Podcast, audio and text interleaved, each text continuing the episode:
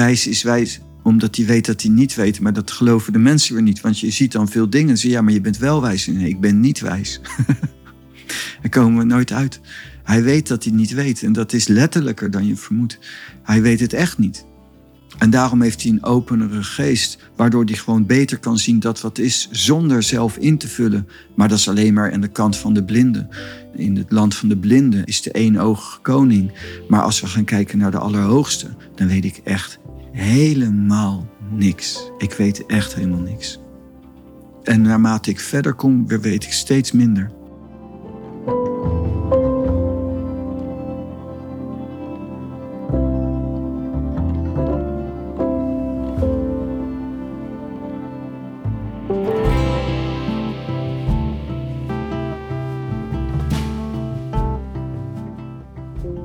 Quantum leap nemen. Daarover gaat deze aflevering, waarin ik weer in gesprek ga met Pranay. Ik kan me voorstellen dat je bij quantum leap meteen denkt aan kwantumfysica. Tenminste wat er bij mij gebeurde. Waarschijnlijk omdat ik veel content creators en experts ken die online delen over kwantumfysica. Waardoor ik gelijk die link legde. Maar Pranay die zei, nou ik weet eigenlijk heel weinig van kwantumfysica. Hij heeft ervaring, dus niet alleen kennis, maar vooral ook ervaring met quantum leaps vanuit een heel andere hoek. En daarover praten wij in deze aflevering, die denk ik echt inspirerend voor je is. Zeker als je, dat geldt voor alle afleveringen die wij maken, echt met een open mind kunt luisteren. Zo deelt Pranay onder andere een verhaal van iemand die niet eens van de ene op de andere dag, maar van het ene op het andere moment zijn baan, huis, vrouw, kinderen achterliet om in een kist in een fietsenhok te gaan wonen. En dan denk je, wat moet ik met dat verhaal? Ik heb nou niet echt die ambitie. Ik ook niet. Los van dat ik geen vrouw heb en geen baan en zo, maar nou ja, je snapt het. Ik heb niet die ambitie. En de meeste mensen denk ik niet. En ik denk zelfs die man niet. Maar het is wel heel interessant om stil te staan bij wat beweegt iemand en hoe komt iemand zo bereid om zo radicaal zijn of haar leven om te gooien. En ook zo'n enorme prijs te betalen. Althans, zo interpreteert onze mind dat, dat hij daar een enorme prijs voor heeft betaald. Ja, om een quantum leap te nemen. Want dat was het voor hem. Daar zitten natuurlijk principes in waar wij heel goed van kunnen leren, denk ik. Maar ja, luister vooral zoals jij wilt luisteren naar deze aflevering. En uh, zoals altijd geldt, als je hem afgeluisterd hebt, maar ook als je halverwege bent afgehaakt, mag ook. Laat me weten wat je ervan denkt. Of uh, wat je hebt ervaren, mocht je er niet veel bij gedacht hebben. Ik ben benieuwd. Veel plezier. Pranay. Sus. Jij wilde het hebben over een quantum leap nemen, toch? Quantum leap, ja. Wat is een quantum leap? Het is een term die ik eh, van Osho ken. En het is, uh, ja, je, je wilt eigenlijk vanuit je huidige toestand, wil je anders gaan leven. En je wilt anders zijn, het is grappig. Zo. Ik had, nee, nou ja. Grappig. ik zit een beetje te, gebeurt? Nou, we hebben zeg maar op de beeldschermen zie ik, zie ik zeg maar mezelf en jij daarnaast. En je hebt een, een, een opstelling van het beeldscherm dat je jou eigenlijk groot ziet en mij klein. En als ik daarop druk, dan krijg ik mezelf groot te zien en jou klein. En anders heb ik dus, ik heb nu de keuze tussen of zo hetzelfde beeld van mezelf en jou naast elkaar. Maar normaal heb ik alleen jou groot en ik ergens klein. en dat lukt niet. nou ja, het is ook niet een ramp. Ja, ik vind dat grappig als die, als die hele techniek, zeg maar, dat dat allemaal niet zo lukt. Zoiets. En dan loop ik daar inderdaad mee. Dat, dan, dan ben ik daarmee bezig aan het spelen. Kom ik niet uit. Nou ja. En, en Quantum Leap is wel mooi misschien in deze ook van, ja, het is een, het is een verandering. Dus mensen die blijven eigenlijk in hun oude leven. En in hun oude leven willen ze er een spiritueel kleurtje bij hebben. En dan zeggen we van ja, we zijn spiritueel bezig. Maar in de realiteit is dat je gewoon moet sterven en moet opstaan. Een heel rigoureuze verandering. Een ander jij. En dat uh, noemt Osho een quantum leap. Dus de meesten zijn dan ergens naartoe aan het werken, geleidelijk. Maar je moet gewoon veranderen. Het moet gewoon anders. En door bewust te worden van de tijd, door bewust te worden van de beperkte tijd en de mogelijkheid van elke seconde weer te sterven, dat je bewust wordt dat je elk moment kan sterven, bedoel ik. En dat komt later. Je kan elk moment sterven. Uh, maar uh, is dat je dan automatisch door die druk een quantum leap groeit naar een quantum leap. En die quantum leap is in één keer. Er is natuurlijk ook in de zen heel veel, grappigerwijs heel veel uh, verschil in. Sommige mensen zeggen, is het nou een plotselinge verlichting of een geleidelijke? En sommigen zeggen plotseling en sommigen zeggen geleidelijk. Maar het is allebei. Je werkt geleidelijk naar de quantum leap toe. En dat vindt ook plaats voordat je verlichting bereikt in grote doorbraken en grote veranderingen. Quantum leap. Heb ik al een uh, quantum leap gemaakt sinds ik met jou werk? of, uh? En quantum leap, de echte, nee, nee, echte quantum leap, er is al heel veel veranderd. En waar we nu zijn beland, gaan we er naartoe werken dat je inderdaad een quantum leap gaat maken. Dan... Maar er is heel veel veranderd. Een quantum leap is echt heel rigoureus. Gewoon een normale verandering in je leven is niet een quantum leap. Quantum leap is echt dat je echt, echt verandert in de diepte. En jij, heb jij quantum leaps meegemaakt in jouw leven? Ja, zeker. Ja, meerdere, ja. Wil je een voorbeeld geven? Nou, eentje. Eentje is, um, ik ging jaren geleden naar India, de jaren negentig. En ik ging daar naartoe en ik bereikte een doorbraak, en een hele grote doorbraak. En toen, toen, toen ik thuis kwam, weet ik nog dat ik, um, ik herkende het wel. Ik, ik weet nog wel, ik weet natuurlijk wel wat mijn huis is en de buurt en zo. Maar tegelijkertijd was het ook totaal anders, alles. Alles was anders. En het was ook vreemd tegelijkertijd, maar niet op een manier dat je niet letterlijk niet weet, maar ook echt veel dieper dan dat ik uh, kan uitleggen. Echt gevoelsmatig, emotioneel en ook dieper in je ervaringen van alles was anders. Echt een hele sterke quantum leap. En mijn denken was anders, mijn voelen anders, mijn leven anders. Alles was anders geworden door een hele sterke godservaring in India. En ik weet nog dat ik toen tegen mijn vrouw zei op een gegeven moment van, ik was nog getrouwd en van, zie je niet iets anders aan mij? En zij zei, nee. En toen zei ze, hoezo? Ik zei, nou, er is niks hetzelfde. Degene die heen is gegaan, is nooit meer teruggekomen. Er is iemand anders teruggekomen. Nou, dat vond ze onzin en gezweef of iets. En toen liep ze weg zo van, jij bent niet goed bij je hoofd. Dat klopt ook, maar dat is dan weer op een andere manier. Ik ben natuurlijk niet in de mind. En, maar dat komt natuurlijk over voor veel mensen als gestoord. En dat is echt een quantum leap niets was meer hetzelfde. En dus ik leefde ook vanaf dat moment ook totaal anders. Zoals? Ik ging anders om met letterlijk eten. Met, met mijn ideeën. Tot van aan de politiek tot aan alles aan toe. De intentie van zijn in mij was een totaal andere intentie geworden. En het belangrijkste kenmerk daarvan is meer extatisch. Meer in lijn met de ene. Minder de kant van de wereld, meer de kant van de taal. Een totaal ander leven. Als anders nu- slapen. Alles anders. Mhm. Als ik nu eh, de keuzes zou willen maken voor een Quantum Leap, kan ik daarvoor kiezen? Is dat een keuze of is het meer iets wat je overkomt? Het is een keuze. Maar Je had het een- net over een godservaring. Is een godservaring een keuze?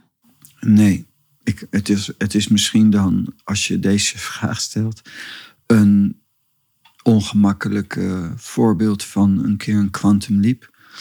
En je kunt dat, ik heb hem ook eh, eerder gemaakt, een, een ander dan vanuit een keus. Ik kwam bij mijn voorganger en ik kwam daar een tijdje en op een gegeven moment kwam het binnen. En toen heb ik eh, mijn vrienden gedag gezegd mijn hele oude leven gedag gezegd. Ik ben eh, minimaal gaan werken om dag en nacht mijn beoefening in te gaan. Ik stopte met roken. Ik ging anders eten. En ik zette mijn hele leven om, omdat ik wist, de taal, die wil ik bereiken. En daarvoor ga ik heel anders leven. Toen heb ik letterlijk mijn hele leven omgegooid. Dat is eh, misschien een handiger voorbeeld van een quantum leap. Dus ik ging alles in mijn leven anders invullen. Prioriteitenlijst. Zoals ik ook deze week nog heb gedaan. Een quantum leap. Maandag Vertel. heb ik een quantum leap gemaakt. Maar als je dit zo zegt, dan. Dat was niet mijn ego of zo. Maar dan denk ik, ja, maar dat heb ik dan toch ook wel gedaan? Ja, dat heb je ook gedaan. Maar ik wil je ergens naartoe brengen. En dat je een quantum leap gaat maken. Op spiritueel gebied, qua bewustzijn. Die echt heel veel zoden aan de dijk zet. En we zou zeggen, zoden aan de dijk, wat moet ik met zoden aan de dijk? Maar dat er dus heel veel verandert. En die, en die heb ik in mijn hoofd. En daarom zeg ik nee. Omdat ik eh, het allemaal ook met een bepaalde reden inbreng ook. Ook voor jou. Maar vertel over maandag. ja. ja. Vorig weekend kreeg ik een ingeving. En toen werd ik me bewust dat eh Jozef van den Berg was overleden. En Jozef van den Berg is een, eh, een man die eh, heb ik eens ontmoet. En iemand van mijn groep die, die had daar al veel langer, was aan- met de aan hem verbonden. En was er Maar ook even, vaker je kreeg een al. ingeving dat hij was overleden. Dat roept al allerlei vragen op. Hoe werkt dat dan? Je hebt het niet in de krant gelezen. Maar je kreeg een soort download. Ja, als ik het dan. Ik probeerde het inderdaad te omzeilen. Ik dacht, ik ga het heel luchtig overheen fietsen. Ik denk, dat hoor je misschien niet.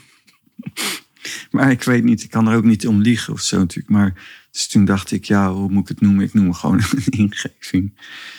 Wat er plaatsvindt technisch is, dus ik ben gewoon zaterdag ergens, ik weet niet eens meer waar, maar. En God komt en die geeft, geeft het mij in. En dus eh, van Jozef van den Berg is zijn lichaam uit. Dus zo gaat het letterlijk. Jozef van den Berg is zijn lichaam uit. Oké, dan ga ik verifiëren. En dus ik. ehm, Maar niet omdat je God niet gelooft. Nee, nee, nee, ik weet dan wel dat het zo is. Eh, maar dat is nou eenmaal je, ja, om dit te vermijden. Dus eigenlijk waar ik nu in ben beland op de een of andere manier. En dus dan, dan zoek ik het op en dan zie ik inderdaad, hij is zijn lichaam uit. En dat, daar heb ik dan een foto van gemaakt en in de groepsapp gezet. Zo, dan hoef ik niet te zeggen dat ik dat eh, doorkrijg. dat ik dat te horen krijg. Maar eigenlijk, ja, ik weet ook niet hoe ik hierin kom, maar dat is, zijn echt de dingen die ik eigenlijk niet wil delen. Of niet, niet, niet deel in het algemeen. Oepsie. Is niet erg, want dat is ook wat eh, Baba mij vroeger gevraagd heeft. Dat moet ik juist wel doen. Hij zei, je moet dat juist wel gaan doen. Waar ik enorme weerstand op heb. Enorme. En, en dat, daar helpt jij me ook onder andere mee, zeg maar, van door jouw intentie, jouw vragen en zo. Uh, breng je dat Ik hoor tegenwoordig heel veel mensen praten over. Uh, ja, ik krijg allemaal downloads. Downloads? Ja, zo noemen veel mensen dat in mijn wereld download. En de download is dan een ingeving? Dat is dan een ingeving, mm. ja. Ah, mooi. Maar ik zelf heb daar niet zoveel mee voor. Want het is een in, heel innig, innerlijk iets. Mij, ik en God. En eigenlijk als je iets heel erg... Echt privé. Ja, vind ik heel erg privé. En, het, en dus het is voor mij een heel innig iets... wat ik eigenlijk van nature liever niet te veel deel en of met uh, sommigen, met een paar mensen deel. En maar eigenlijk vanuit mezelf uit niet zo deel. Komt misschien ook door mijn jeugd. Toen ik vier was, had ik een enorme, mijn eerste enorme godservaring. Heel sterk. En toen weet ik nog daarna dat, dat mijn moeder stond naast me. En dat ik me, terwijl ik vier was, me realiseerde, dit moet ik niet delen. En dus um, ik, ik, ik bracht iets naar buiten wat eigenlijk heel klein is. Het was zo, ik was in, op de kleuterschool, daarom weet ik het. Ik weet het ook nog omdat ik was verliefd op mijn kleuterjuffrouw. En de kleuterjuffrouw waren kennissen van mijn ouders. En ik vond haar heel knap, juffrouw Marjoli. En, uh, en doordat je dan later... Uh, uh, weet, je, weet je gewoon precies welk jaar dat was. Het was de eerste klas uh, van de kleuterklas. Nog, nog um, ja, dus dat is nu groep 1. En, en toen stond ik op de gang. Mijn ouders waren helemaal niet gelovig. En ik had nog nooit van God gehoord. En ik stond te wachten op de gang. En ik hoorde andere mensen, waren allemaal, was heel druk, waren aan het praten. En toen hoorde ik het woord God vallen. Iemand zei het woord God. En ik had nog nooit iets over God gehoord. Maar ik hoorde het woord God en toen kwam ik in een soort iets terecht. Waardoor ik alle informatie binnenkreeg van godsdienst. Van het hele verhaal van God en godsdienst. En toen uh, was ik helemaal verheugd en verrukt. God, God bestaat. En, en mijn moeder kwam me ophalen. Ik weet nog dat ik zo klein was dat ik in zo'n zitje zat op de fiets. En ik zat helemaal te wachten ik, tot we thuis waren. En ik heel enthousiast, toen we thuis waren eenmaal, zei ik... Mama, mama, geloven wij in God? En mijn moeder zei... Uh, nee. en ik was heel erg uh, teleurgesteld. En mijn enthousiasme zakte weg en mijn moeder zal dat gezien hebben. En die zei, nou ja, nou ja, zei ze. Van, ja, kijk, zegt ze, ik geloof niet in God. En zover ik weet, gelooft je vader ook niet in God. Maar of jij wel of niet in God gelooft, dat moet je eigenlijk voor jezelf uitmaken. En toen dacht ik voor het eerst, ik zat echt me serieus zo van, geloof ik eigenlijk in God? En op het moment dat ik me dat in mijn hoofd afvroeg, kreeg ik een hele, hele sterke godservaring. De Heilige Geest kwam heel sterk over me heen en ik raakte echt helemaal ondergedompeld erin. Het was echt een extreme, extreme uh, intentie. Waar, en ik raakte zo in vervoering en in extase. En ik weet niet uh, hoe lang dat duurde. Ik denk niet te lang, want mijn moeder stond er nog daarna. En, uh, en toen kwam ik weer bij. En toen weet ik, toen wist ik instinctief ergens iets. Ja, dat moet ik niet delen. Toen zei ik alleen maar tegen mijn moeder van... Nou ja, ik, ik geloof wel in God. Daar heb ik het bij gelaten. En toen heb ik vanaf dat moment heb ik dat allemaal heel erg voor mezelf gehouden. En het was denk ik achteraf maar beter ook, want mijn ouders waren, waren zo tegen God. Zo tegen alles wat maar spiritueel kon niet. Waren zo praktisch, zo, pra zo niet godsdienstig. Echt een materialisten. En uh, ik denk dat het alleen maar problemen had gegeven. En dat Je is, hebt wel eens gezegd tegen mij hè, dat, uh, dat veel mensen denken dat ze godservaring hebben gehad. Maar je zegt ja, een echte godservaring. Als iemand die heeft gehad, dat herken ik. Ja, dat, zie, zie je. Ja, vroeger als kind kon ik dat zien bij mensen. En dan, omdat ik helemaal niet. Ik was helemaal niet bezig met de Bijbel. Ik was helemaal niet bezig met spiritualiteit. Ik had gewoon die ervaring gehad. En, uh, en velen kwamen daarna nog en zo. En als kind benoemde ik dat zo van als ik iemand zag die dat ook had gehad, dan kon ik zien aan een bepaald vuur in iemands ogen, een bepaalde intentie in iemands ogen. En dan zag ik het. Martin Luther King, ik weet nog dat ik hem ooit op televisie zag, was natuurlijk later. Ik zag in één seconde, ik wist van die man, die heeft God gezien.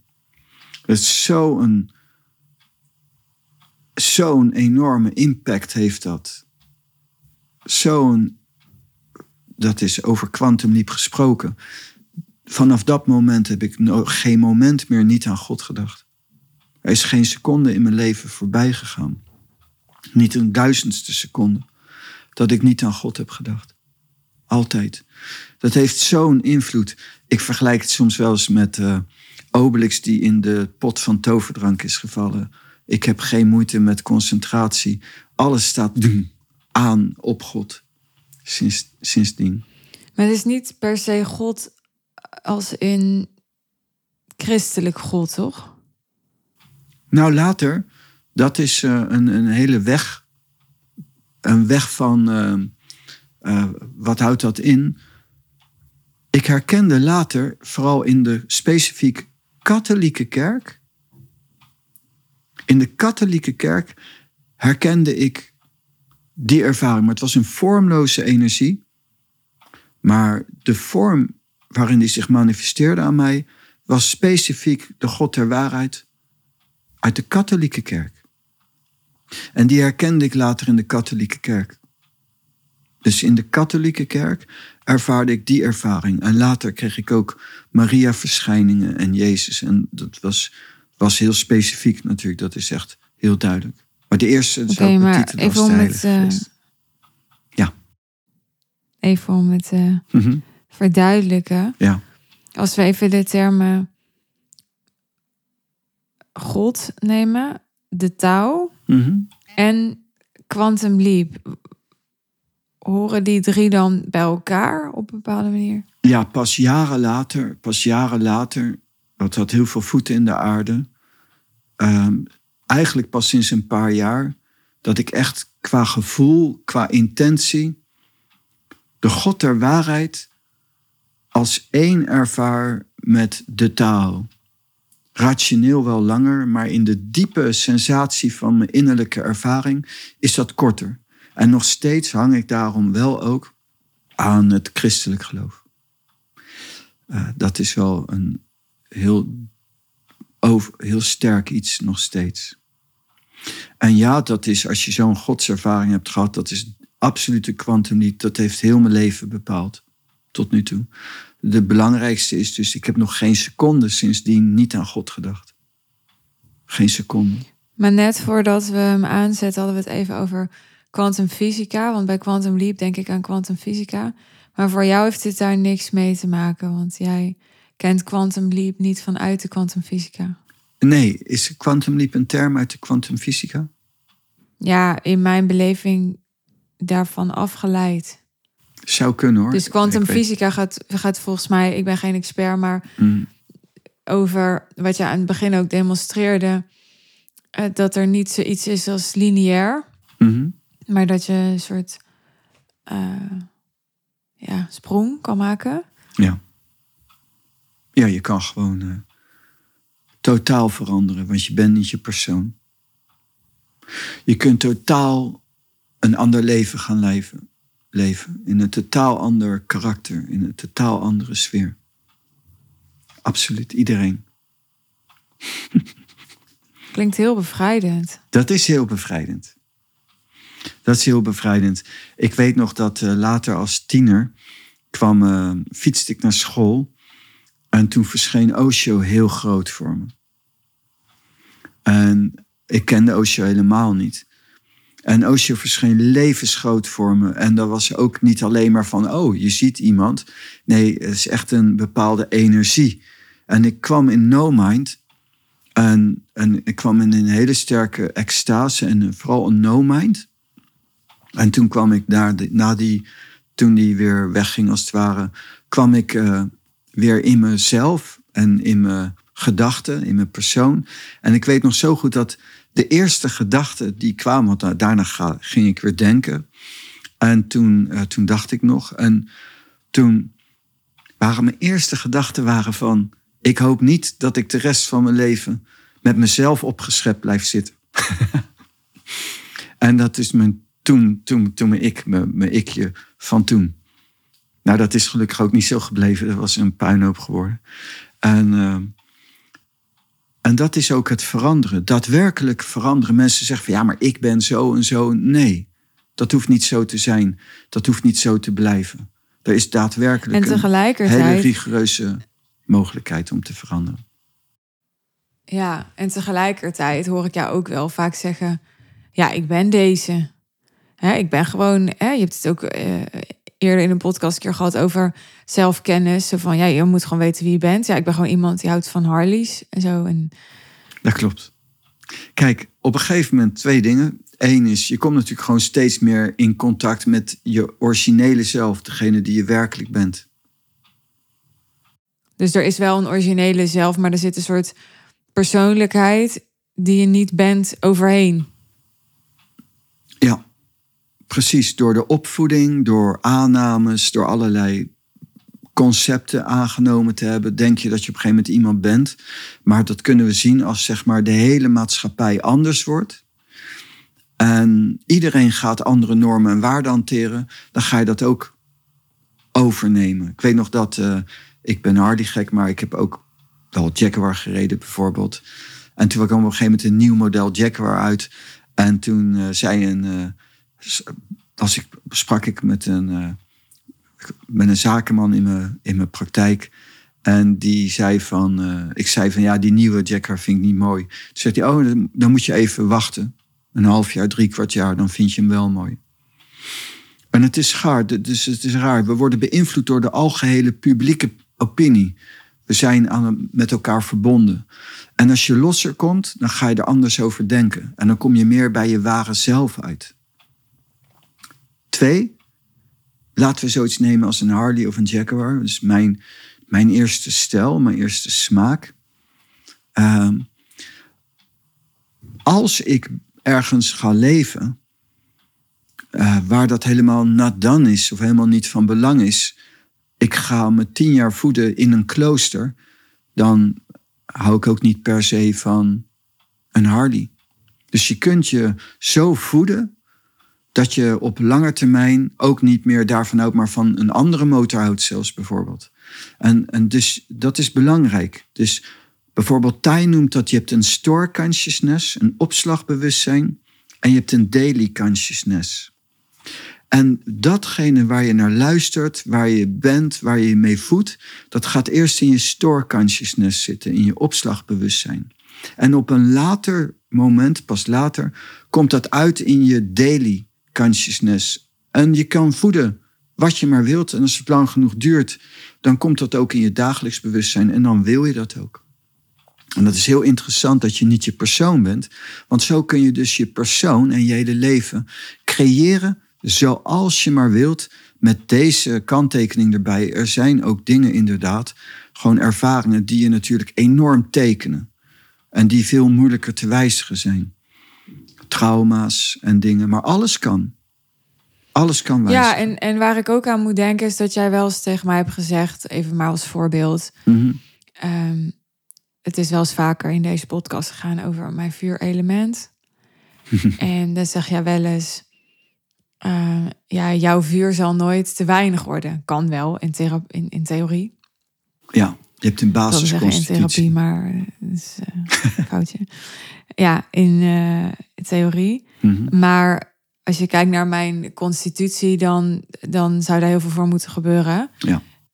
En je zegt ook van, maar dat is ook goed, want je moet het ook niet kwijtraken, want het is ook je kracht. Ja, je moet gewoon werken met de riemen, die, roeien met de riemen die je hebt. Waarvoor zou je dat wijzigen? Uiteindelijk kan dat allemaal. Je kunt zelfs Ja, in de diepte van de geneeswijze, is heel complex, kun je zelfs je DNA wijzigen uiteindelijk. Maar het is heel moeilijk, maar het kan wel. Het is niet onmogelijk. Maar dan moet je wel echt wel diep in de yoga zitten, echt een beoefener zijn, dan kan alles. is er iets heel uitzonderlijks in jouw beleving dat jij eh, aan jezelf hebt gewijzigd? Uitzonderlijks wat ik in mezelf heb gehad, ja. Daar ben ik nu mee bezig. Ik kom uit een eh, jeugd die eh, met weinig liefde van mijn ouders. Mijn oude vrienden, velen raakten op verkeerde pad. Mijn broer, 31 jaar, overleed. En door drugs en door verwaarlozing en zo. Ik heb, eh, ben vroeg de vechtwereld ingegaan. En ik was goed met vechten. En dat was wel bruikbaar op straat. En dat is allemaal de harde weg. En ik ben aan het eh, overgaan vanuit die harde weg naar de zachte weg. En dat is echt een voor mij ondenkbaar iets van als ik kijk hoe ik een paar jaar geleden was. Ik ben begonnen als vechter.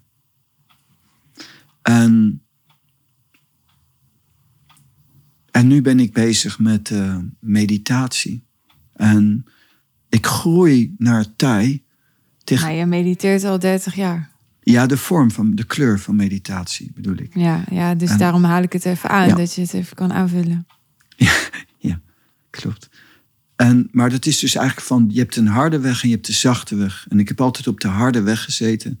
En nu ben ik overgegaan naar de zachte weg. Nou, daar had ik echt de rillingen van. De zachte weg, Dus een beetje te links. veel te links. Veel te links. Ik hou helemaal niet van links. Al die linkse, ik noem het altijd Jesse Klavertjes. Ah, vind ik echt helemaal niks.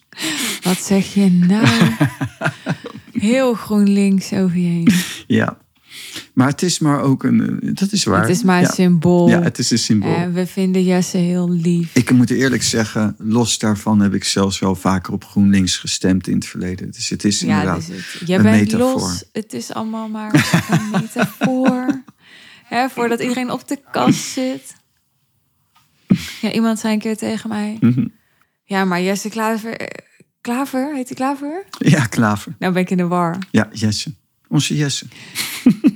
Onze Jesse is helemaal niet zo links, weet je. Ja, dat is wel best. Maar dat is helemaal, helemaal het punt niet. Nee. Het is gewoon Nee, ik gebruik gewoon- Het gaat helemaal niet over Jesse. ik roddel nooit, maar ik gebruik wel graag vormen. Als ik over Ja. andere mensen spreek, dan gebruik ik de karakteristieke punten. Maar je hebt altijd mensen die dan denken... ja, je misbruikt hem om je punt te maken. Maar dat is dan ook weer links. Eh, nou, ik gebruik hem om een punt te Ja. maken, maar niet misbruiken. Want als ik zou hem misbruiken, als ik ook zou zeggen, dat is ook zo en hij is ook zo. Nee, ik Ja, zeg ja, erbij, het is, eh, zoals Hans Steelwis zei, het is humor. Ik, ik gebruik karakteristieken, opvallendheden voor mijn humor. En ik dan ook voor een beetje humor en, en ook eh, vooral om mijn punt duidelijk te maken. Maar ik spreek nooit over mensen, andere mensen, Ja. maar ik gebruik het wel.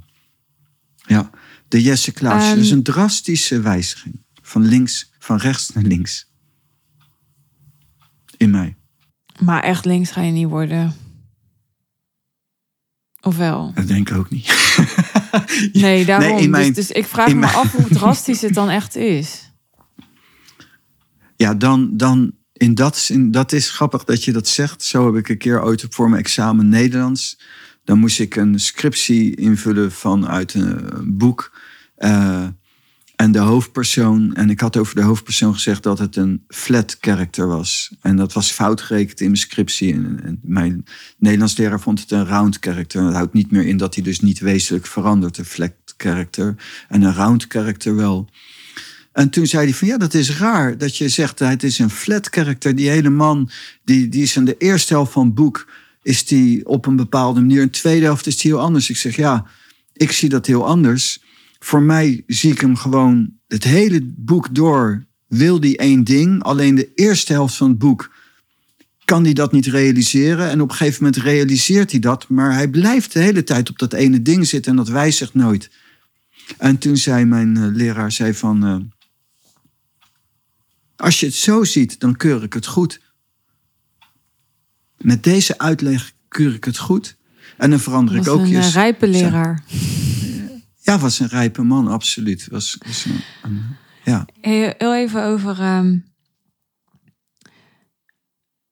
Jozef van den Berg. ja, Want Quantum Leap. die heb jij genoemd. Ja. Maar mensen denken echt, hoe de fuck is Jozef van den Berg? Ja, Jozef van den Berg was een poppenspeler. Een Nederlandse man, een theaterman, een acteur. Was getrouwd. eh, vrouw, kinderen. En vlak voor een optreden, hij, zou optreden in een theater, kreeg hij een eh, godservaring. En toen, ehm, nou, door die godservaring ging hij zitten. Voor op het podium.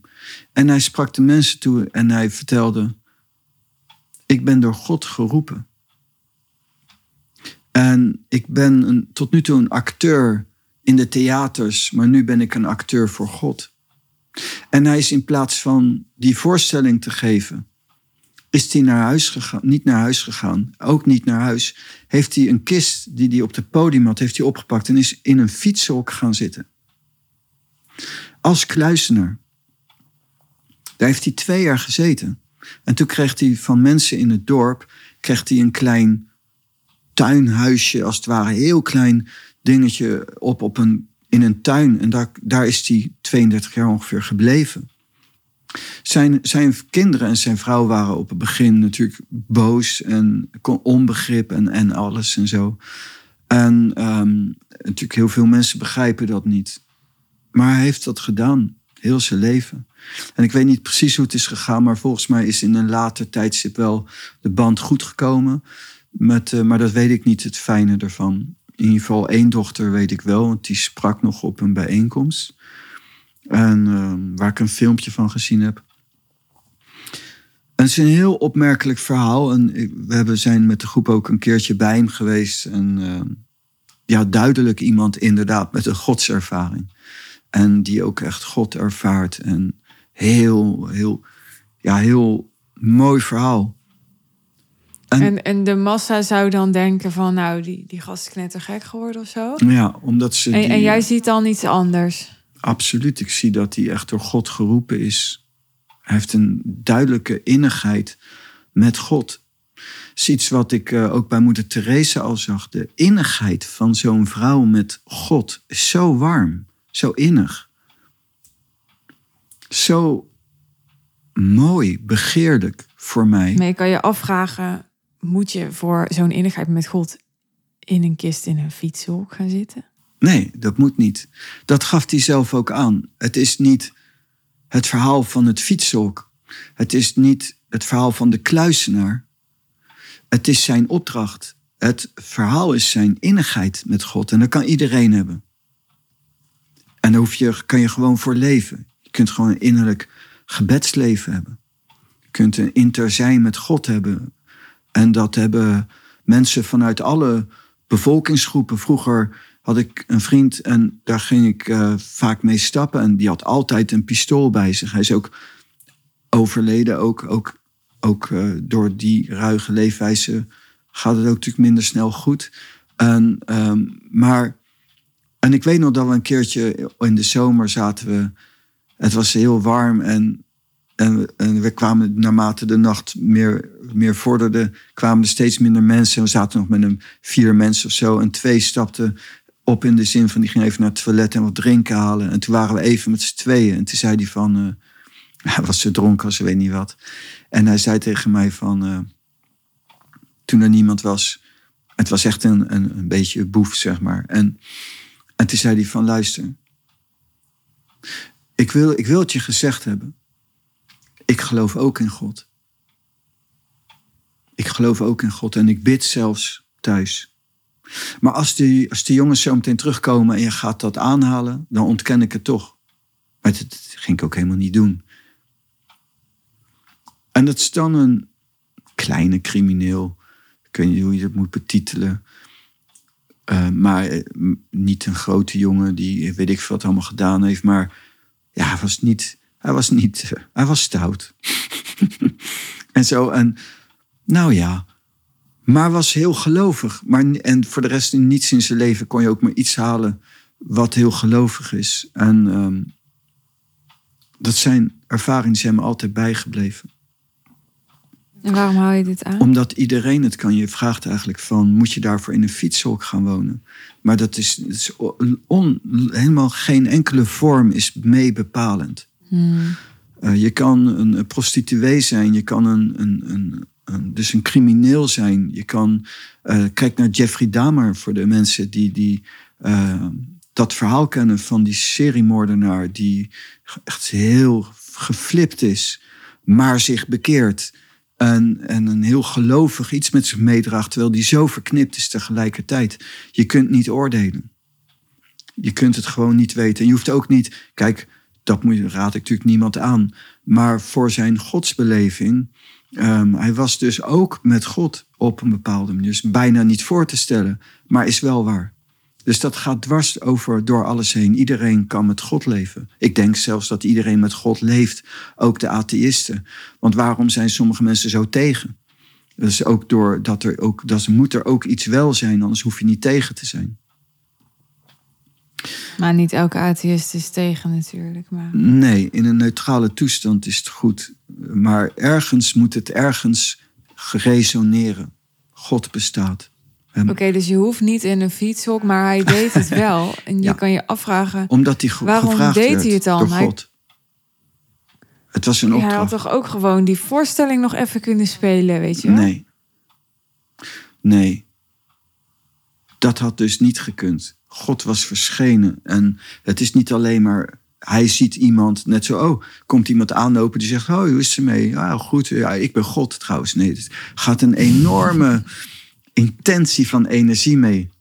Dus, de, dus die man was in één klap. kwam er iets anders op. Was er iets anders in hem vrijgekomen? Hij kon niet meer. Hij kon het niet. Ik weet dat omdat ik ook quantum leaps heb meegemaakt. Het is niet mogelijk om je oude leven voor te zetten, want je bent dat niet. Je bent dat niet meer. Maar iedereen identificeert je gewoon met die oude, maar je bent dat niet meer. Hmm. En dus hij, Het klinkt bijna een soort transgender. Daar weet ik weer te weinig van af. Ja, dat was mijn geest die daarmee kwam. Ja. Ja, ik respecteer iedereen's seksualiteit, maar een transgender is iemand die eh, man is Die of vrouw is. lichaam wordt geboren. Ah, Daar moest ik aan denken. Ja. Want je wordt geboren als meisje. Iedereen ziet jou als meisje. Jij voelt je jongen. Dat lijkt me super eenzaam. Ja, lijkt mij ook. En lijkt me ook heel verwarrend inderdaad. Met dit verschil, in zijn geval, kan hij gewoon direct zijn nieuwe leven leven. En een transgender zal dan toch heel wat moeten. In theorie ja, Ja. maar het lijkt mij wel echt ingewikkeld als jouw hele omgeving daar niet op is ingesteld. Moet je al sterk in schoenen staan. In alle gevallen, het is, het is eh, absoluut waar.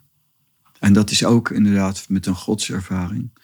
Eh, want eh, het is niet voor niets dat de wet die daarbij hoort, laat de doden de doden begraven. En, en, en de, Wat betekent dat? Nou, dat de mensen die niet in God leven, met God leven, die moet je gewoon laten gaan. Eh, niet, niet letterlijk, maar intern. Je moet inderdaad bereid zijn te veranderen. Wat je omgeving heel eng vindt, niet begrijpt.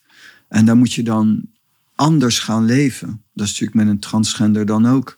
Hoewel je met een transgender, als je mazzel hebt, goede ouders hebt die er begrip voor hebben. En dat kan natuurlijk ook met een godservaring. Hmm. Maar dat, ehm, Nou ja, het voordeel van eh, transgender is dat het tegenwoordig natuurlijk veel bekender is. Ja, dat is mooi.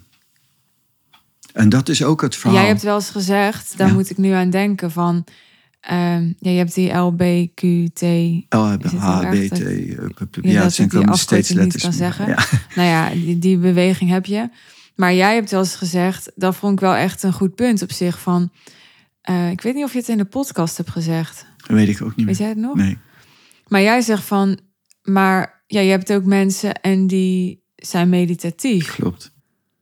En ja, die worden eigenlijk ook gediscrimineerd. Ja, absoluut. Mensen, dat is ook wat Jozef van den Berg ook aanhaalde in een interview. Ja, mensen beseffen niet dat ik een godservaring heb gehad. En denken dat ik gek ben geworden, maar ik heb gewoon een godservaring gehad. En dan zeggen heel veel mensen, ja, dat is gelul, want God bestaat niet. Maar het is wel waar, God bestaat. En die ervaring die die heeft gehad is zo intens. En daar is het. Het gaat niet over de fietsenstalling. Het gaat ook niet over de kruisiging bij Jezus. Het gaat over God. Het gaat over de opstanding dan. Het gaat over de liefde. En de intentie wat mogelijk is. Daarin, met God. En dat is. ehm, en zo wordt, wordt Jezus gekruisigd. En wordt een Jozef van den Berg die om een statement te maken. Op vraag, aanvraag van God. Gaat hij in een fietshok wonen. Terwijl hij zelf ook, dat geeft hij daar ook aan, hij huilt ook zelfs in dat interview. Zegt hij, ja, denk niet dat ik geen moeite heb om niet meer terug te zijn naar gegaan te zijn naar mijn vrouw en kinderen. Denk niet dat ik het niet moeilijk vind, want ik loop naar buiten dat ik had een hele leuke baan, een hele goede baan. En dat ik dus geen geld meer heb en dat ik dus de ongemakken heb van zonder verwarming, zonder douche, zonder wc, zonder iets in een fietshok te gaan zitten, afhankelijk te zijn van wat mensen hem komen brengen. En dus dat, Maar heeft hij dan ook het bewustzijn, ik ben niet mijn persoon? absoluut. Eh, eh, En, en daardoor kan hij in dat goed dragen, omdat hij weet van ik heb verdriet, maar ik ben dat niet, ik ben niet mijn persoon. De godservaring maakt inderdaad dat er iets zit wat voorbij je persoon gaat, Ja. waardoor je het toch doet en, en Ja, sterker nog niet anders kan dan het doen. ja, En die onoverkomelijkheid is juist zo belangrijk. De onoverkomelijkheid van de ervaring is zo belangrijk. Mijn voorganger kwam op een gegeven moment naar, naar me toe en zei: Jij hebt geen keus. Jij moet, jij moet er doorheen. Ik heb geen keus door die godservaring. Ik moet wel naar God gaan. Ik kan niet anders dan naar God gaan. Ik heb ook niet een alternatief. De, de, de impact van die ervaring is zo groot. Toen was de stop er al uit. En nu verlang ik naarmate ik ouder word steeds sterker. Alleen maar naar God. Steeds sterker. Neem steeds meer bezit van me. En het is een onoverkomelijk iets. En ik vind het een heel mooi iets. Dus het is niet een vervelend iets. Maar het is wel heel krachtig. Maar Peti, mijn persoon, die heeft het daar soms wel moeilijk mee. En dat is de, klinkt tegenstrijdig. Maar dat is het niet omdat je meer bent dan je persoon. En daarom Ja. kan je dan raar overkomen voor anderen. Dat snap ik ook helemaal. Dat heeft er ook voor gezorgd dat ik ook, mede ook door mijn omgeving in die tijden van, ja, dat ik er eigenlijk niet graag over wil spreken. Maar het is mij gevraagd ook. Ik doe dit. Wat ik me nog afvraag is, Ja. waarom dan Jozef? Waarom zei God van, nou, weet je met wie we dat doen? We pakken hem. Ja, maar dat moet je in mij niet vragen. Je kan God niet doorgronden. Het enige wat ik kan weten is dat het gebeurd is. En dat het gebeurt en waarom, dat, dat, dat kan ik echt nooit iets over zeggen. Ik weet één ding zeker, je kan God niet doorgronden. Ik heb geen idee. Don't know. De wijs is wijs omdat hij weet dat hij niet weet, maar dat geloven de mensen weer niet. Want je ziet dan veel dingen en ze ja, maar je bent wel wijs. Nee, ik ben niet wijs. Daar komen we nooit uit. Hij weet dat hij niet weet en dat is letterlijker dan je vermoedt. Hij weet het echt niet. En daarom heeft hij een openere geest, waardoor hij gewoon beter kan zien dat wat is, zonder zelf in te vullen. Maar dat is alleen maar aan de kant van de blinden. Onder, in, het land van de blinden is de eenoogige koning. Maar als we gaan kijken naar de Allerhoogste, dan weet ik echt, echt helemaal niks. Ik weet echt helemaal niks. Ik weet zo. Ik, en naarmate ik verder kom, weet ik steeds minder. dus niet alleen mijn vorderende leeftijd. Met Maar het lijkt soms wel dat hoe meer mensen weten, hoe nederiger ze worden. An- ja, anders weet je hoe niet. meer je weet, hoe meer je weet dat je niet weet. Dat, dat vind ik ook altijd heel erg op jou van toepassing. Omdat je het ook ziet. Je ervaart het ook. Het is niet een gespeelde neder. Ik probeer niet nederig te zijn. Het is niet zo. Oh, nederig is een, is een spirituele virtue, waarde die goed is en daarom ga ik me beoefenen in nederigheid. Maar de grootsheid van God maakt je automatisch nederig. Het gebeurt spontaan. Ik beoefen niet nederigheid, maar als je God ontmoet, dan ben je nederig. Als je niet nederig bent, dan, dan, dan kan ik gewoon inherent aan vastzetten van, maar dan heb je ook God niet gezien. Want anders ben je, niet, nee, anders ben je nederig. Het, het is onmogelijk om zo een energie te voelen en niet nederig te zijn daarna. Je, bent echt helemaal niks. Dat snap ik.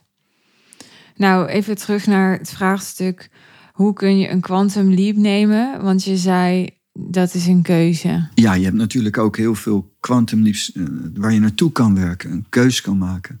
Een keuze en die kan elk moment gemaakt worden. En dus zaterdag kwam God en die zei: Jozef van den zijn lichaam uit. En toen had dat een impact op mij. Net als toen uh, moeder Teresa's haar lichaam verliet, vond ik, uh, had echt een enorme impact op mij. Ik voelde echt een enorm verdriet, een, een licht wat de wereld uit is gegaan. En dat is nu ook met uh, Jozef. Voel echt heel sterk zo'nzelfde soort reactie. Een licht is de wereld uitgegaan. En dat was heel sterk ook. En toen dacht ik al gelijk, zondag was ik, avond was ik bij mijn dochter. En toen zei ik al, ik kap ermee. Ik, ik stop met de coachings geven overdag. En toen dacht ik eerst nog, dat ga ik dan volgende maand doen, over, over twee maanden, misschien per januari of zo. Maar maandagochtend stond ik op. En het eerste wat in mijn geest kwam ook weer was Jozef van den Berg. En het tafereel. En, en ik zag mijn volle agenda voor me zitten, staan. En ik kon niet meer. Het is op. Ik kon niet meer. En toen heb ik een bericht uh, ingesproken en gestuurd. De groepsapp in. En gezegd, ik kap met coachings nu. Het moet nu om. Het is nu om. Het, het is om. Het is... Maar even voordat mensen in de war zijn. Hm. Want ik denk dat, niet iedereen, dat mensen niet eens weten wat je overdag allemaal doet. Want ze weten alleen dat je heel veel mediteert. Dus misschien zal ik even wat context geven. Is goed, precies. Ja? Oké, voor zover ik weet, mhm. ga je s ochtends een aantal uur mediteren. Mhm. Dan uh, heb ik dagelijks een sessie met jou. Mhm. Daarna ga je sessies doen met andere mensen. Ja. En dan heb je s'avonds een groep die je begeleidt. Ja. En vanaf uh, nu, ja, als deze podcast uh, online gaat, dan zijn we daarmee begonnen. Mhm. Doen wij samen ook twee avonden een groep. Ja. Dus in plaats van uh, dat jij. Nou ja, goed. Je hebt in ieder geval die tijden wat aangepast. Zodat je naast je eigen groep ook die groep met mij kan starten. Maar dat betekent dat jij. Dat zeg je vaak. Want je bent dan na die groep s'avonds. Ga je dan ook nog uren mediteren? Ja. Dus je slaapt heel weinig. Vier uur of zo, vijf uur. Ja, wisselt hoe ik me voel. Ja. En um, ja, je hebt verder ook heel weinig te doen, toch? Heel weinig huishouden en zo. Want je hebt een heel kleine studio. Expresse studio. Je kinderen zijn groot. Ja. Uh, je hebt geen, uh, weet ik veel, modeltreinen of zo. Geen hobby. nee, nee, Geen sociaal leven. Je gaat niet naar verjaardagen. Nee, heel, heel zelden. Ja. Nee, dus, dus wat jij doet is gewoon... Wat je altijd deed, was zeg maar van... Even ruwweg van, van 10 tot 10 werken. En dan daarbuiten om ja, ik werkte nog 12, zes uur mediteren 12, 12 of zo. 13 uur per dag. Ja. En nu heb je gezegd van... Oké, je doet die sessie met mij nog. Ja. Je doet die groep nog. Ja. Maar alles ertussenin skip ik. Ja, klopt. En even voor de duidelijkheid, dat is dus ook een heel groot deel van je inkomen. Dat is ook een groot deel van mijn inkomen ook, ja. Ja, want daar ben jij misschien niet zo mee bezig, maar Nee. ik kan me voorstellen dat, ja, dat de luisteraar dan denkt van wow, weet je wel, maar oké, hoe dan? Je moet toch ergens van leven? hè? Ja, maak me geen zorgen om. De kunst van het creëren, dat, dat, dat, komt. Ja, maar je kan ook denken als je naar luistert, ja, maar ja, als je nooit naar een verjaardag gaat, als je nooit naar de kroeg gaat, als je geen hobby's hebt, als je eh, ja, alleen maar in een hele kleine studio woont, ja, dan, dan hoef je ook, dan kan je ook leven van eh 800 euro per maand, weet je wel, van bijstand. Dat kan ik niet. Ja, ik weet niet zo goed wat ik moet zeggen. Ik begrijp, ik begrijp het niet wat je. Maar, dus, maar dat is waar. Nou, ik bedoel te zeggen dat, dat de luisteraar kan denken dat het voor jou ook heel goed te doen is om zo'n keuze te maken, omdat je ook niet veel geld nodig hebt. Mhm. Terwijl die luisteraar denkt: ja, maar hallo, ik heb een hypotheek, ik moet drie kinderen aankleden. Weet je wel, ik moet. eh, Ja, maar een kerstboom ik ben, nee, ik kopen, ben ik bereid moet- te zijn. eh, ik ben bereid te zijn te sterven. Ik, eh, ik volg gewoon God. Wat de consequenties zijn, is mij om het even. Het interesseert mij niks. Ik, ik had daar inderdaad nog niet eens bij stilgestaan. Het maakt me nee, daarom begreep je het ook niet. Nee. Nee, dat ben, ik, het is omdat jij erover begint, maar ben ik niet eens mee bezig. Nee. Ik zit helemaal in de extase van God. En in mijn, eh, ja, ik, werk, ik laat die mensen niet vallen. Eh, er is een segment wat ik, eh, wat ik per direct gestopt ben. Lukt ook niet meer. En die tijd die besteed ik ook om nog inniger met God te zijn. Maar het komt ook uit een, inderdaad een werkschema van 12, 13 uur per dag. Ehm, en dus dat breng ik gewoon terug naar, ehm, nou ja, drie, zes, vijf, zes, zes uur per dag of zo. En dan met administratie bij en zo, misschien zeven uur per dag. Dus het is niet zo dat ik helemaal niks ga doen. Maar omdat ik weinig slaap en voor de rest inderdaad alles heel kort en klein hou. Eigenlijk weinig tijd vrijmaak voor andere mensen, behalve mijn kinderen. Ja, heb ik gewoon heel veel tijd ook om te mediteren. Maar dat wordt meer dan dat. Ja. Het is inderdaad in die context. En nou is het misschien goed om nog even toe te lichten dat dat hele. Ik ben bereid om te sterven. Dat, dat is voor jou letterlijk zo, dat weet ik. Maar voor de luisteraar die denkt: ja, maar ik heb wel jonge kinderen en zo, ik kan niet zomaar dood. Hoeft ook niet. Nee, eh, wil ik wel even toelichten van: het is eigenlijk ook meer een soort houding, toch? Het is een intentie van zijn, inderdaad. Jij hebt het ook wel eens een over- intentie van zijn. Ik heb ja, je hebt het ook wel eens over. Je moet je niet laten manipuleren door het leven. Absoluut. Dat Absoluut. bedoel je hiermee, toch? Ja. Ja, je, je moet je niet laten manipuleren. Je hebt, zeg maar, in, in de taal zeggen ze het zo. Je gaat het ene bewaren. En, en het, het eerste wat gebeurt is... Je, je raakt los van de wereld. En dan, in een tweede fase... raak je los van de dingen. En, en dat is misschien goed om eens over bij stil te staan. Dat de dingen en wereld, de dingen, wat dat dan is. Maar dat is een lang verhaal. En daarna, in een derde fase, kom je los van het leven. En los van het leven is dus van, ten eerste, los is niet tegen. Peti bestaat. Ik neem Peti waar, mijn, mijn persoon. Eh, en die noem ik ook Peti. en, en zo van, en, en als je Peti vraagt, dan is hij liever gezond. Dan heeft hij liever gewoon geld genoeg om zijn rekeningen te betalen. En dan wordt hij liefst oud. En, en, en. Dus vergis niet dat ik niet daarop zeg van dat je niet in mijn persoon niet dat soort tekenen zou kunnen zien van dat het me uitmaakt. Natuurlijk maakt het me uit. Ik hou van mijn kinderen. En ik zal alles doen voor mijn kinderen. En, en alles. Maar als het erop aankomt, dan ben ik bereid nu, nu te sterven. En op een ander niveau interesseert het me eigenlijk ook echt helemaal niks. Maar niet vanuit een negatieve onverschilligheid, maar vanuit een diep bewustzijn dat de weg volmaakt is. En God een God van liefde is. En als God denkt, ja, maar die Pranay die moet nou eens eh, deze wereld verlaten, dan, dan verlaat ik deze wereld. Met liefde. Zonder rancunes. Ik neem de verantwoordelijkheid voor mezelf. En ik hou van God. En dan denk ik, nou, het is mijn tijd, dat is ook goed. Ik heb veel stervensbegeleiding gedaan.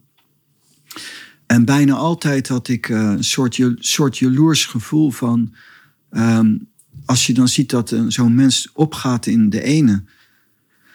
Ik kan niet wachten tot het mijn tijd is, ook. Maar niet in een ongeduld dat ik vandaag dood wil. Als ik mag kiezen, word ik oud. Maar als het dan uiteindelijk mijn tijd is, ja, ik kijk er ook naar uit. Maar niet vanuit een negatieve ontmoediging, een cynisme Nee. of een helemaal niet. Ik hoop oud te worden. Maar, als het, maar wanneer het mijn tijd is, wanneer God vindt is mijn tijd, vind ik het ook goed. En dat Ja. kan ook nu zijn. En dat, daar ga ik niet over en dat maakt mij ook niet uit. Om, waarom maakt het mij niet uit? Omdat ik ga naar mijn geliefde. En dit stoppen met die coaching, dat, dat kan je dus zien als een quantum leap. Als een quantum leap, want ik, absoluut. Ja, ik maak een hele grote, voor mijzelf ommekeer. Ik ja, heb, maar is het, is het echt een keuze geweest? Want eigenlijk zeg je bijna, ja, het is gewoon voor mij besloten. In hoeverre ben je daar zelf echt involved in geweest? Er zijn twee dingen. Een, een gemiddeld mens is gewoon vrij. En 99% van je leven bepaal je zelf. Maar ik zelf, ik ben een dienaar. Ik, ik kom vanuit God, voor God. En ik, het is een duur woord, je moet ook niet te veel aan vasthangen. Ik ben een profeet. Ik ben gekomen met een boodschap, met een opdracht. Ik ben jarenlang getraind om die opdracht uit te voeren. En dus in mijn, mijn leven is heel anders. Totaal anders dan een gemiddeld mens. Is dat je een profeet bent ook de reden dat je mij niet uit je agenda hebt geskipt? Ik vind het een ongemakkelijke vraag om te stellen. Nee, maar kijk, als ik, als ik de luisteraar was, zou ik me wel afvragen van... Oké, dus je hebt zeg maar alle coachings met al je klanten heb je geskipt. Maar wij doen nog elke dag een sessie. Ja, twee dingen. Eén is, al die mensen blijf ik wel begeleiden. Maar niet meer via het segment van de coaching. Dus het is niet zo dat ik die mensen opeens gedag heb gezegd. Nee, maar de- je blijft energetisch verbonden. En ik blijf, ik, ik, ze kunnen nog steeds met mij mediteren. En ze kunnen nog steeds eh, een, een Dharma-lezing krijgen en daar vragen stellen. Ja, dan komen ze bij je in de groep en dan eh, Ja. komen ze bij je op de avond. Dus ik heb niemand van die mensen gezegd van zoek het uit. Maar in een coaching kom je in roering terecht. En los van de roering is het zo dat ik ja, me opmaak voor iets anders. En daarvoor heb ik ook meer tijd nodig om innig met God te zijn. En dat, eh, en dat is. ehm, en daar wist ik wel dat ik daar naartoe groeide. En dat is eh, afgelopen weekend. Is het God die tijd, moment bepaalt. En dat is nu. Dat gebeurt nu. En, ik schap jou niet uit mijn agenda. Eh, dat, ehm, dat, dat is natuurlijk, ja, wat ik al zei ook in die eerste podcast van ons. Eh, van ja, maar jij bent aangewezen. Dus ik kan jou niet schappen. En ik ga jou ook niet schappen, want jij bent me aangewezen. Ik ben een dienaar. Dus zolang jij wenst, dan neem ik je mee. En, en er, komt niks tussen. Dus daar ben ik aan commit. Mijn voorganger zei op een gegeven moment tegen mij: Ik heb eh, beloofd jou te helpen.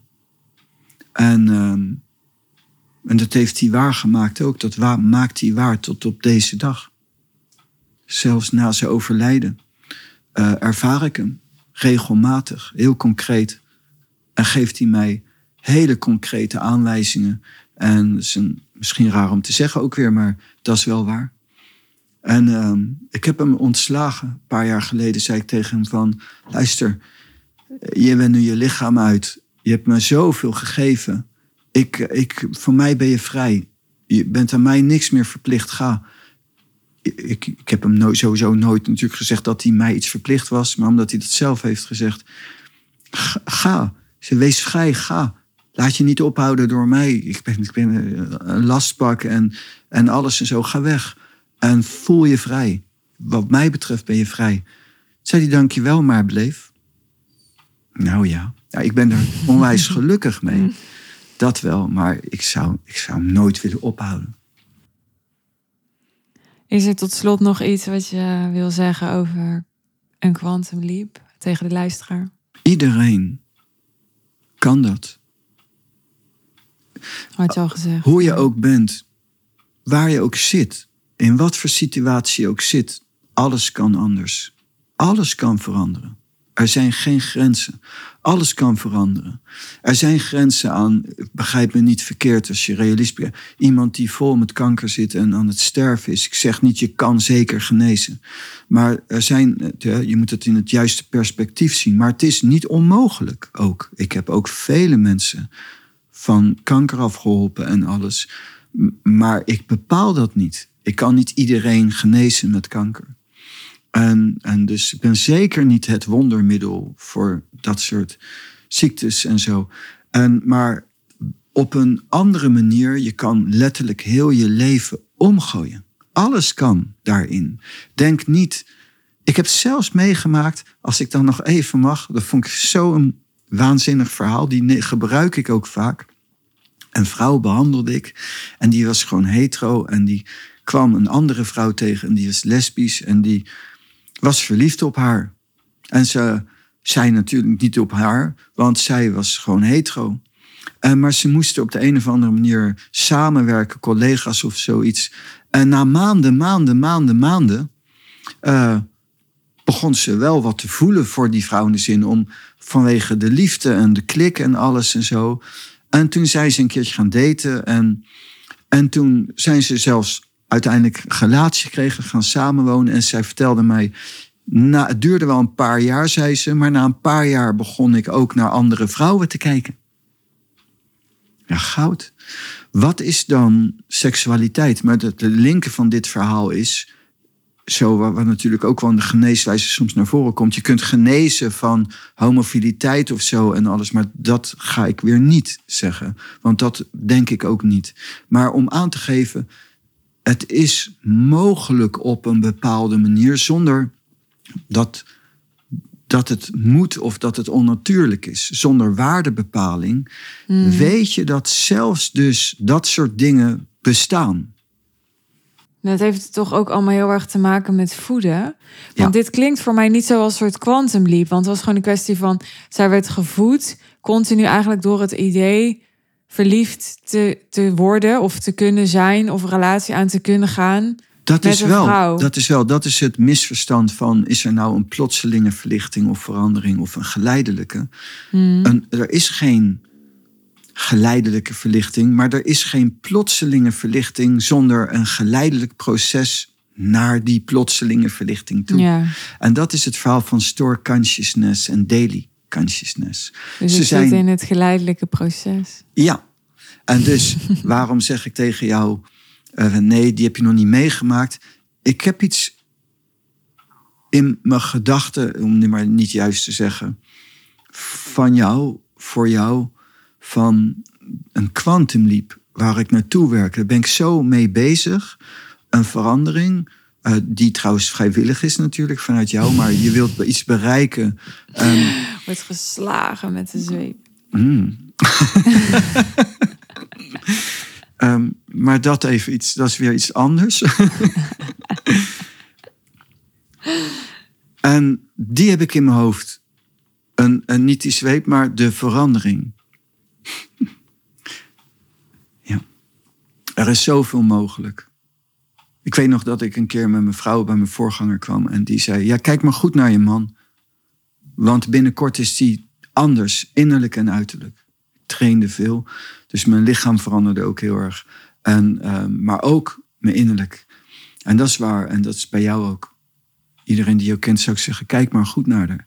Want het duurt niet lang en dan ben je totaal anders maar wel vrij. Het is niet sectarisch. Niet mijn slavin, niet mijn mhm. zoiets of wat dan ook. Um, je, ja, vind ik zo jezelf. Omdat, ja. Ja. ja, omdat je de zweep brengt. En ik dan zo ja, ik bij zeggen. Ja. Nee, maar het wordt ook al gezegd, hè? Het wordt ook al gezegd. Mhm. Iedereen die mij goed kent, die zegt al. Uh, dat je heel erg veranderd bent. Dat is waar. Ja. Ja, en ik zeg zelf, maar ja, ik zou ook altijd een beetje een opgewonden standje blijven. Dat, dat denk ik ook. zou raar nou, dit is wel een goed einde. Zeker. Dit was aflevering 416 over Quantum Leaps. Met een uh, speciale rol voor Jozef van den Berg. May he rest in peace. Ben benieuwd of um, deze aflevering je op een bepaalde manier geraakt heeft. Zoals ik in de intro ook al zei, dan uh, mag je dat ons laten weten. En um, ja, we waarderen het ook heel erg als je ons support door bijvoorbeeld deze aflevering te delen op je social media. Als je abonnee wordt van de podcast, kun je gewoon gratis doen via iTunes of volg op Spotify.